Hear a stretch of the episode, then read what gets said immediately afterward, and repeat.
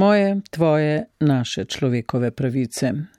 In zdaj o pravici do zasebnega življenja. Nikogar se ne sme nadlegovati samovoljnim mešavanjem v njegovo zasebno življenje, v njegovo družino, v njegovo stanovanje ali njegovo dopisovanje in tudi ne z napadi na njegovo čast in ugled.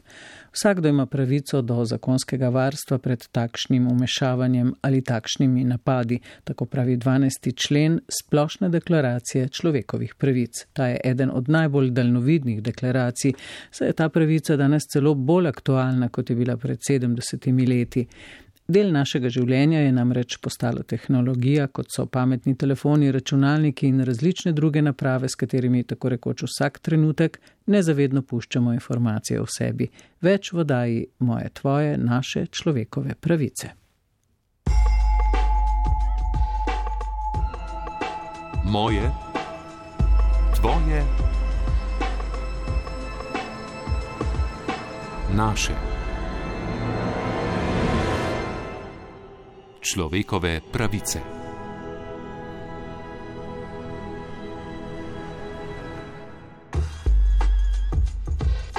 Edward Snowden, nekdani višji uslužbenec Ameriške agencije za nacionalno varnost, nam je razkril, kako vlade nediskriminatorno opazujejo prav vse, kar počnemo.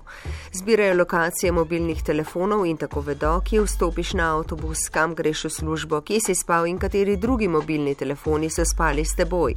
Z daljinskim upravljanjem lahko prižgajo kamere na telefonih in računalnikih v naših domovih, lahko prisluškujejo telefonskim pogovorom, berejo besedila besedilna sporočila. Informacije o sebi v zameno za nekaj popusta brez premisleka puščamo tudi trgovinskim verigam, na spletu, na družbenih omrežjih.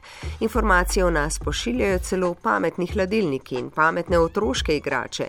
Vlade in podjetja pa jih skrbno zapisujejo, obdelujejo, skranjujejo in posredujejo drugim kot bi hodili v spanju, vstopamo v vladavino popolnega nadzora, opozarjajo tehnologi, varnostni strokovnjaki in civilna družba. Kateri so torej največji izzivi te vrste v današnjem času? Andrej Tomšič, ki se pri informacijskem pooblaščencu ukvarja s pravnimi, tehnološkimi in družbeno-ekonomskimi izzivi zasebnosti v informacijski družbi. Prav gotovo jih prinaša digitalizacija, široka uporaba mobilnih telefonov. Če sam pomislim, koliko na dan ga vzamemo v roke, ogromne količine podatkov se prek tega izmenjujejo, zbirajo internet, družabna mrežja, pametni domovi, internet stvari.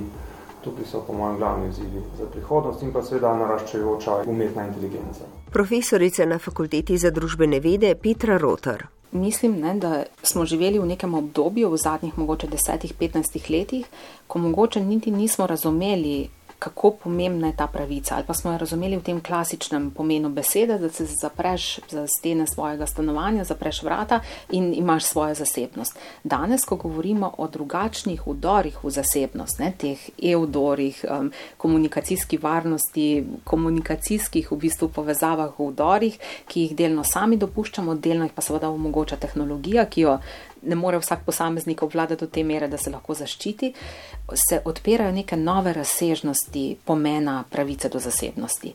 Andrej Tomšič. Veliko podatkov nas zbira država v državnih registrih, evidencah, šifrantih, eh, podjetja, zlasti na IT področju, telekom operateri, zdravstveni domovi in zdravstveni sektor. Eh, zelo veliko subjektov, veliko podatkov zbira v nas. Odgovor večine na to je, pa saj nimam česa skrivati. V resnici ni tako. V javnosti se obnašamo popolnoma drugače kot v zasebnosti doma. Prav tako smo bili skozi zgodovino priče, da so navidezno nepomembne informacije o ljudeh v času krize uporabili kot izgovor za preganjanje. In ne smemo dovoliti, da država za vohunjenje za nekom ne bi več potrebovala dovoljenja sodišča. Nediskriminatorno vse splošno vohunjenje za državljani brez utemeljenega suma pa nas vse postavlja v vlogo osumljencev kriminalnih dejanj. Pogoste tarče takega vohunjenja so tisti, ki naj bi preprečevali zlorabo oblasti, organizacije za človekove pravice, okoljski aktivisti, preiskovalni novinari. Vlade svoje vohunjenje pogosto zavijajo v celofan varnosti.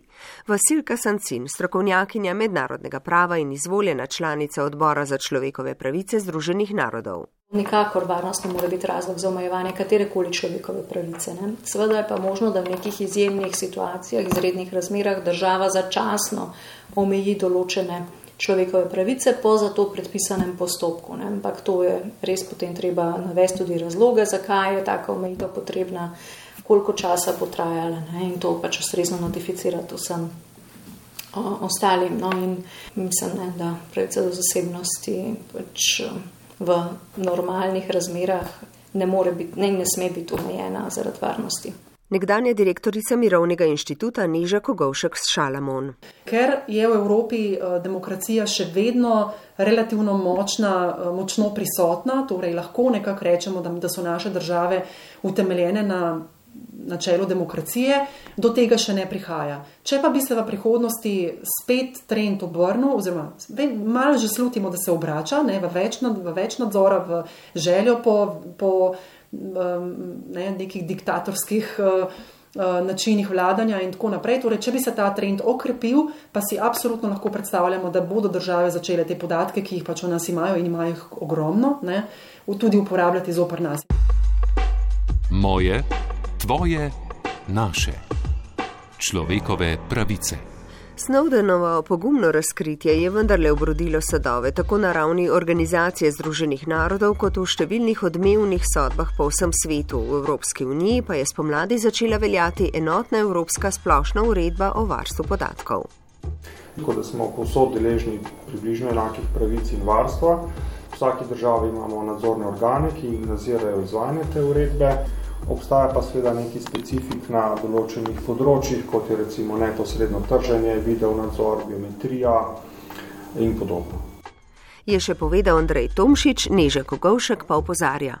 Mislim, da je veliko korakov bilo narejenih na področju um, uh, upravljanja z osebnimi podatki strani korporacij, ker vemo, da je GDPR uredba namenjena predvsem temu, da te korporacije med seboj ne bi trgovale z našimi podatki, brez da bi se mi tega zavedali. Ne? Mislim pa, da je še vedno nekoliko premalo narejeno z vidika uh, nadzora držav nad lastnimi državljani. Tudi evropska uredba, ki lahko kršitelja sankcionira s kaznijo do 23,5 milijona evrov oziroma 4 odstotki prihodka podjetja, kar je pač več in sega tudi prek meja, ima pa v ceni strokovnjakov še veliko pomankljivosti in podjetjem še naprej omogoča trgovanje s podatki o nas. Amnesty International meni, da bi morali močno zakodirati podatke.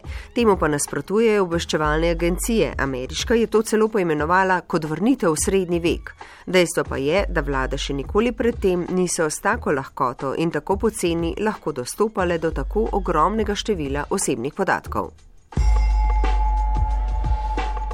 Ob 70-letnici splošne deklaracije človekovih pravic na prvem Izraelko Pervanje in Amnesty International Slovenije. Tonska izvedba Vojko Frelih.